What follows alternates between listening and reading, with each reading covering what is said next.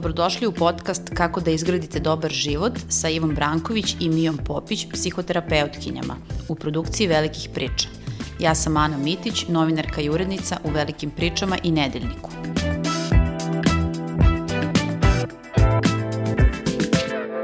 Reč rezilijentnost se odnosi na ono o čemu ćemo pričati u ovoj epizodi podcasta, ali ova reč nema odgovarajući prevod na naš jezik.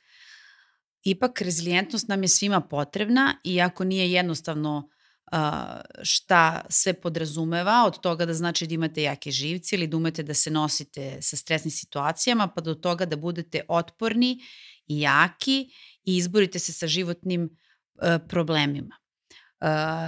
Često čujemo tu reč biti rezilijentan ili rezilijentnost i zato ću za početak zamoliti Miju Popić, koja je sa mnom u ovoj epizodi, da nam objasni šta sve podrazumeva rezilijentnost. Da li je to samo otpornost i šta u stvari znači biti rezilijentan?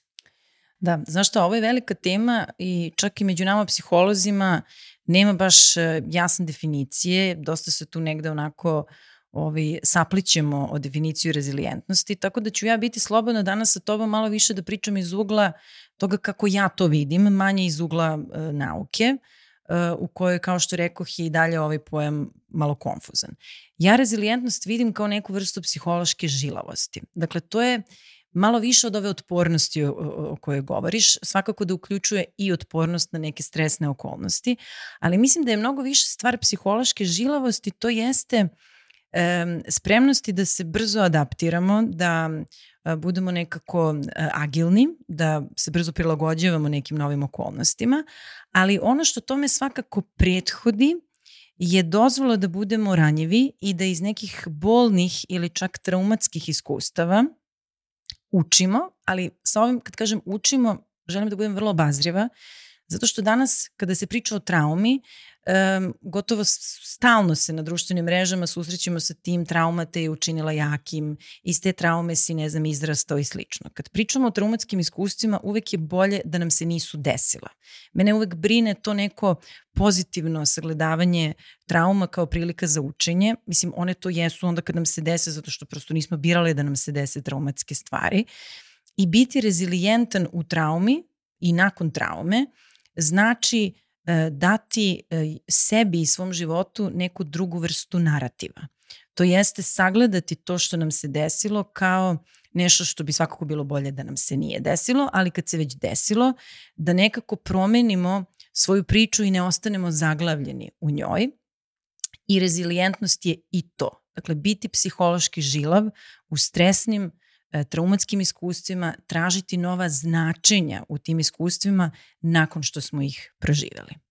Kada sam razmišljala o ovoj temi, e, razmišljala sam s jedne strane šta znači biti jak, a šta znači biti e, otporan, otporan, jer mi često čujemo da je ovo jedan surov svet u kom mi živimo i da mi moramo da budemo jaki da bi preživeli, međutim nisu svi svih 365 dana u godini jaki, niti su svi tih godinu dana sve vreme slabi. Znači, to je ono što si ti rekla malo pre, mi sebi moramo da dozvolimo da nekada budemo uh, i slabi, jer ne možemo stalno da budemo jaki. No. Pa da li je bolje govoriti o tome da treba da budemo otporni, a ne da treba da uvek budemo jaki?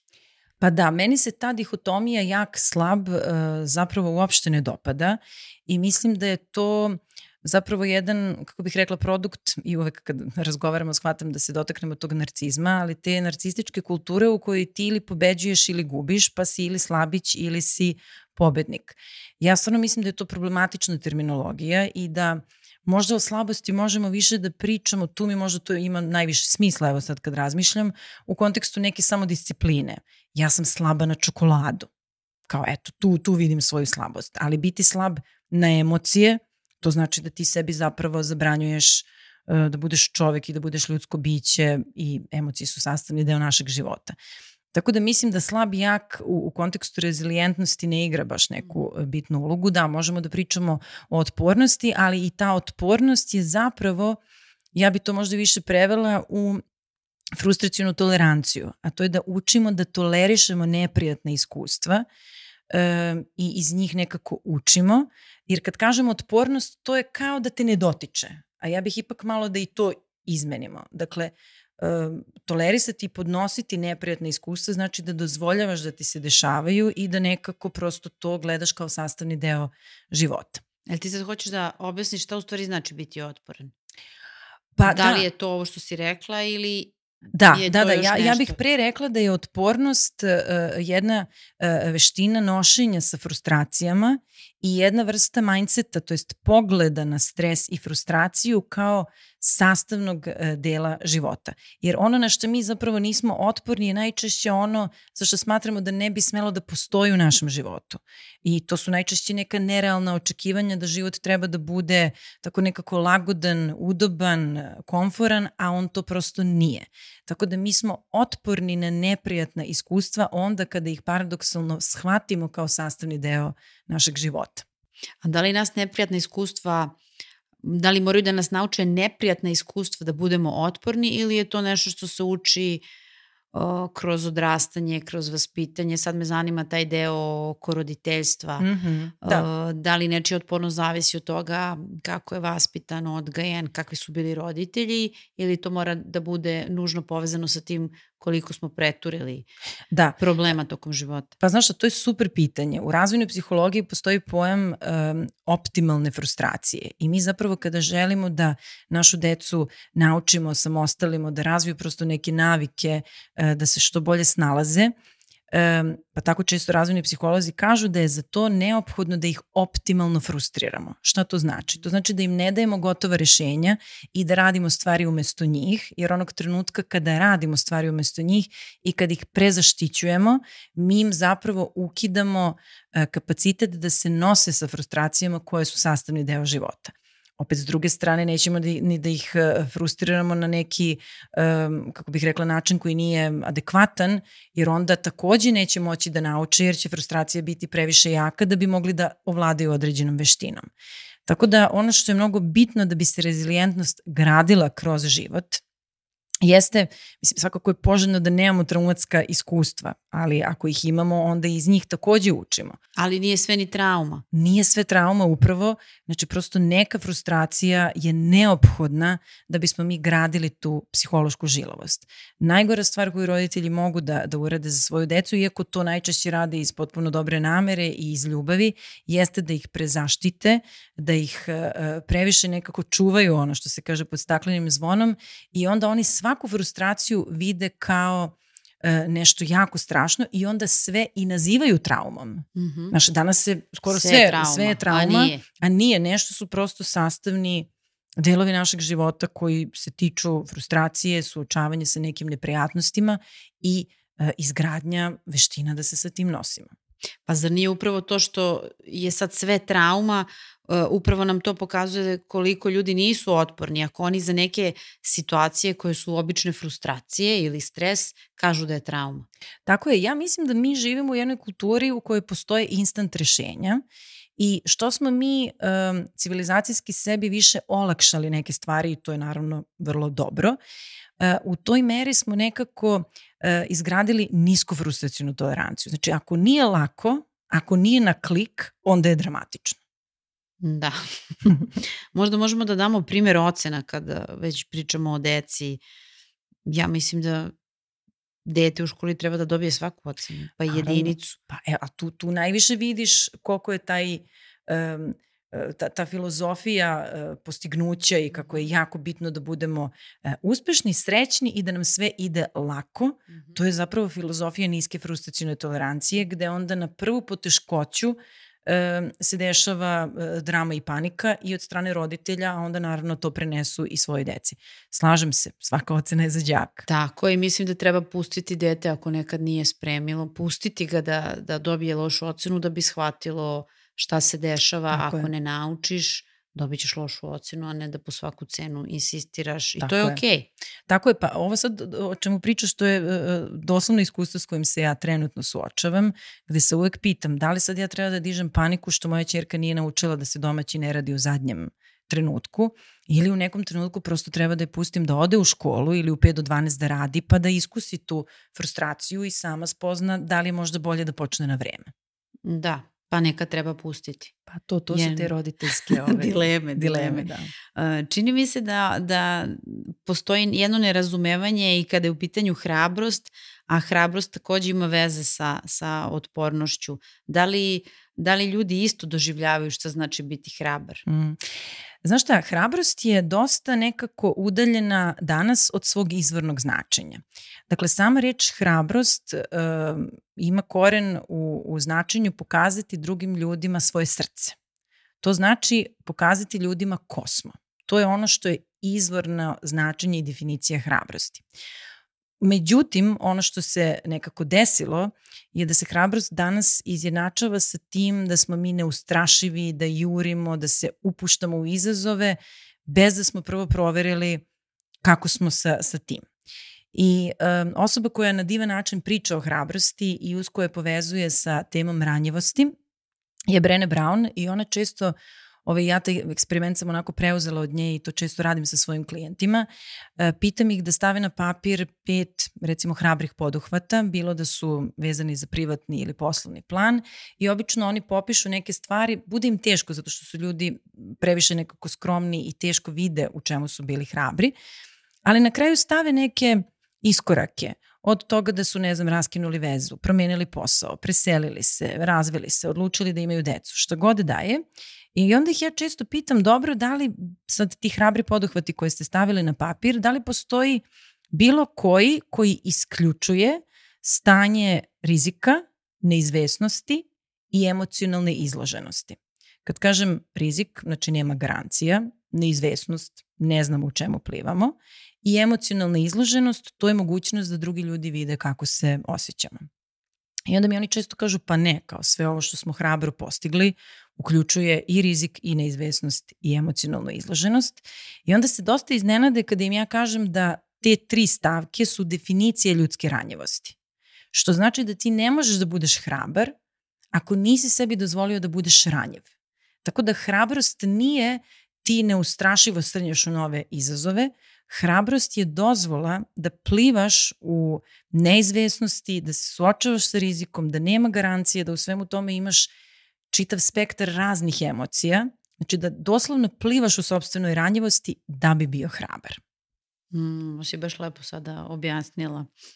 E, Iva i ja smo u jednoj od prethodnih e, epizoda e, pričala o tome kako ljudi reaguju na odbijanje i kakva je veza između odbijanja i izgradnja jačanje ličnosti i otpornosti na razne životne situacije. Tu epizodu ko želi može da pogleda. Epizoda se zove kako da lakše podnesete odbijanje i takođe ima veze sa otpornošću. Mm -hmm. Kako to utiče na, na otpornost? Kako se postaje otporan? Da. Pa znaš šta, mi smo društvena bića i mi težimo da se vežemo za druge. Dakle, prosto smo nekako biološki isprogramirani da težimo da budemo povezani sa drugima. E, ja sam nedavno isto o tome baš e, pisala zašto nas odbijanje fizički e, boli i ono do čega sam došla malo baveći se tom temom jeste da u nekom evolucionom smislu odbijanje nas zaista fizički boli zato što je to prosto signal da smo izašli iz plemena, a ljudi teže da pripadaju nekom plemenu. Mm -hmm. I meni je mnogo bilo zanimljivo to neko evoluciono značenje uh, straha od odbijanja i kako ga mi čitamo u svom telu kao prosto jednu informaciju da želimo da budemo vezani. Ja mislim da ono što je ovde važno nekako podvući jeste da kad smo suočeni sa odbijanjem, uh, tu, to je jedna informacija. Ok, definitivno da neki odnos nije taj u kome mi možemo da se razvijamo i, i gradimo, Ali takođe je vrlo važna informacija da mi nismo po svačoj meri i da nije svako po našoj meri. I ja mislim da građenje rezilijentnosti u tom smislu kad smo suočeni sa odbijanjem je ta neka, opet se vraćam na, na, na tu, tu ovaj, taj konstrukt eh, psihološke žilavosti, da prosto razumemo da mi možemo sebe da prihvatimo onda kada nas ne prihvataju drugi. Da mi imamo taj izbor I ja mislim da to nekako dolazi sa godinama i sa nekom zrelošću kada učimo i već imamo u iskustvu unazad nekoliko, verovatno decenija, da neki odnosi nisu opstali, a da mi ipak nismo umrli jer oni nisu opstali. Tako da ja mislim da, da rezilijentnost u kontekstu odbijanja je prilika za nas da, da sagledamo to odbijanje kao e, nešto što je prosto jedna informacija, ali takođe da samim tim što to tako bolno podnosimo nam je informacija da mi želimo da budemo vezani i da je to zapravo jedna dobra vest. Da, a šta ćemo sa onim, uh, da li si jači ako si pretrpeo mnogo udaraca u smislu što te ne ubije ojačate? Da li si onda otporniji?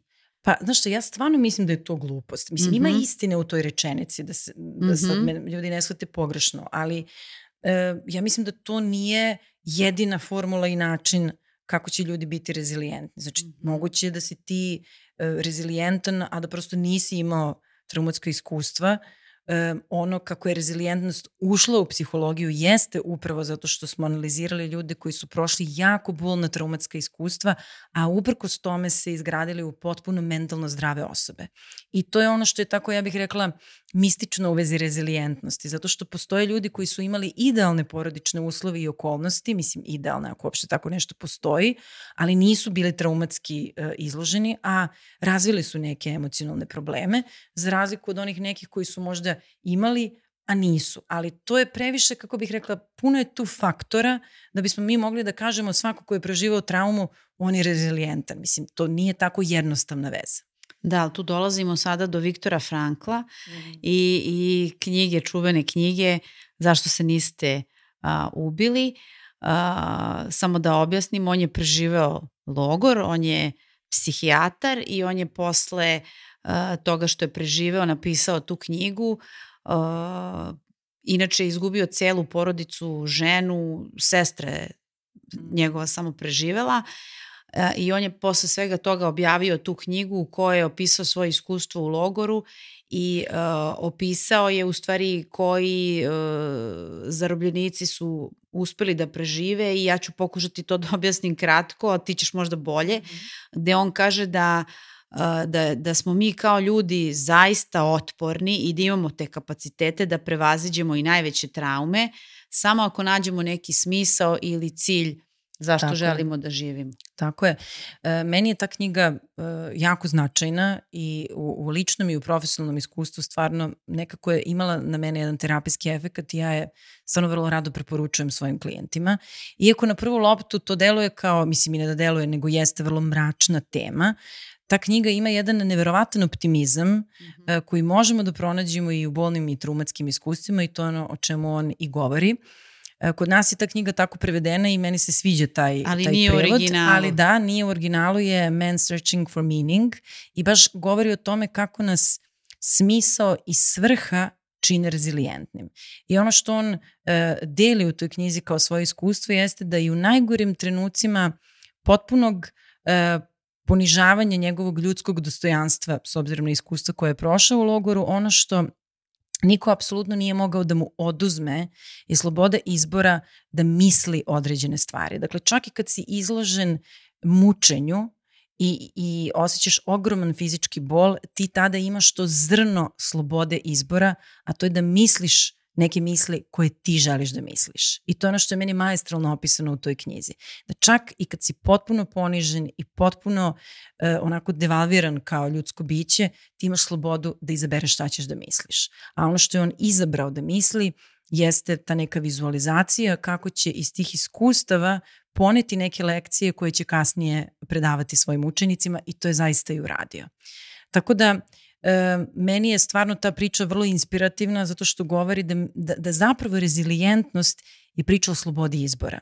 Da mi možemo da izaberemo da nas priče, vrlo bolne, traumatske priče ne odrede do kraja života, nego da pronađemo novi narativ, novo značenje, novu svrhu i da onda iz toga nekako izrastemo u neke drugačije ljude, a ne one koji su u datom trenutku kroz traumu prosto bili ulozi žrtve. Ali ne moramo da ostanemo žrtve do kraja. Da, i evo samo za kraj bih te pitala još jednu stvar i očekujem jedan optimističan odgovor, jer je sve ovo do sada bilo u tom smeru. Da li su u stvari ljudi mnogo jači nego što misle? Ja sam sigurna da jesu i ono što bi za kraj dodala kao jednu moju možda pomalo ličnu e, definiciju rezilijentnosti je da mi jesmo mnogo jači i hrabri nego što mislimo, ali e, da smo naj, najhrabriji onda kada dozvolimo da neki e, dobri ljudi utiču na nas. Jer rezilijentnost nije samo individualna kategorija. mi razvijamo rezilijentnost kroz relacije i kroz odnose i kada dozvolimo da od drugih tražimo pomoć, da nekako sa drugim ljudima podelimo svoju ranjivost, mi tako učimo da je sve ok i to nam je takođe vetar u leđa da gradimo rezilijentnost. Tako da dobri odnosi su takođe ono iz čega gradimo rezilijentnost. Mija, hvala ti puno. Hvala tebi.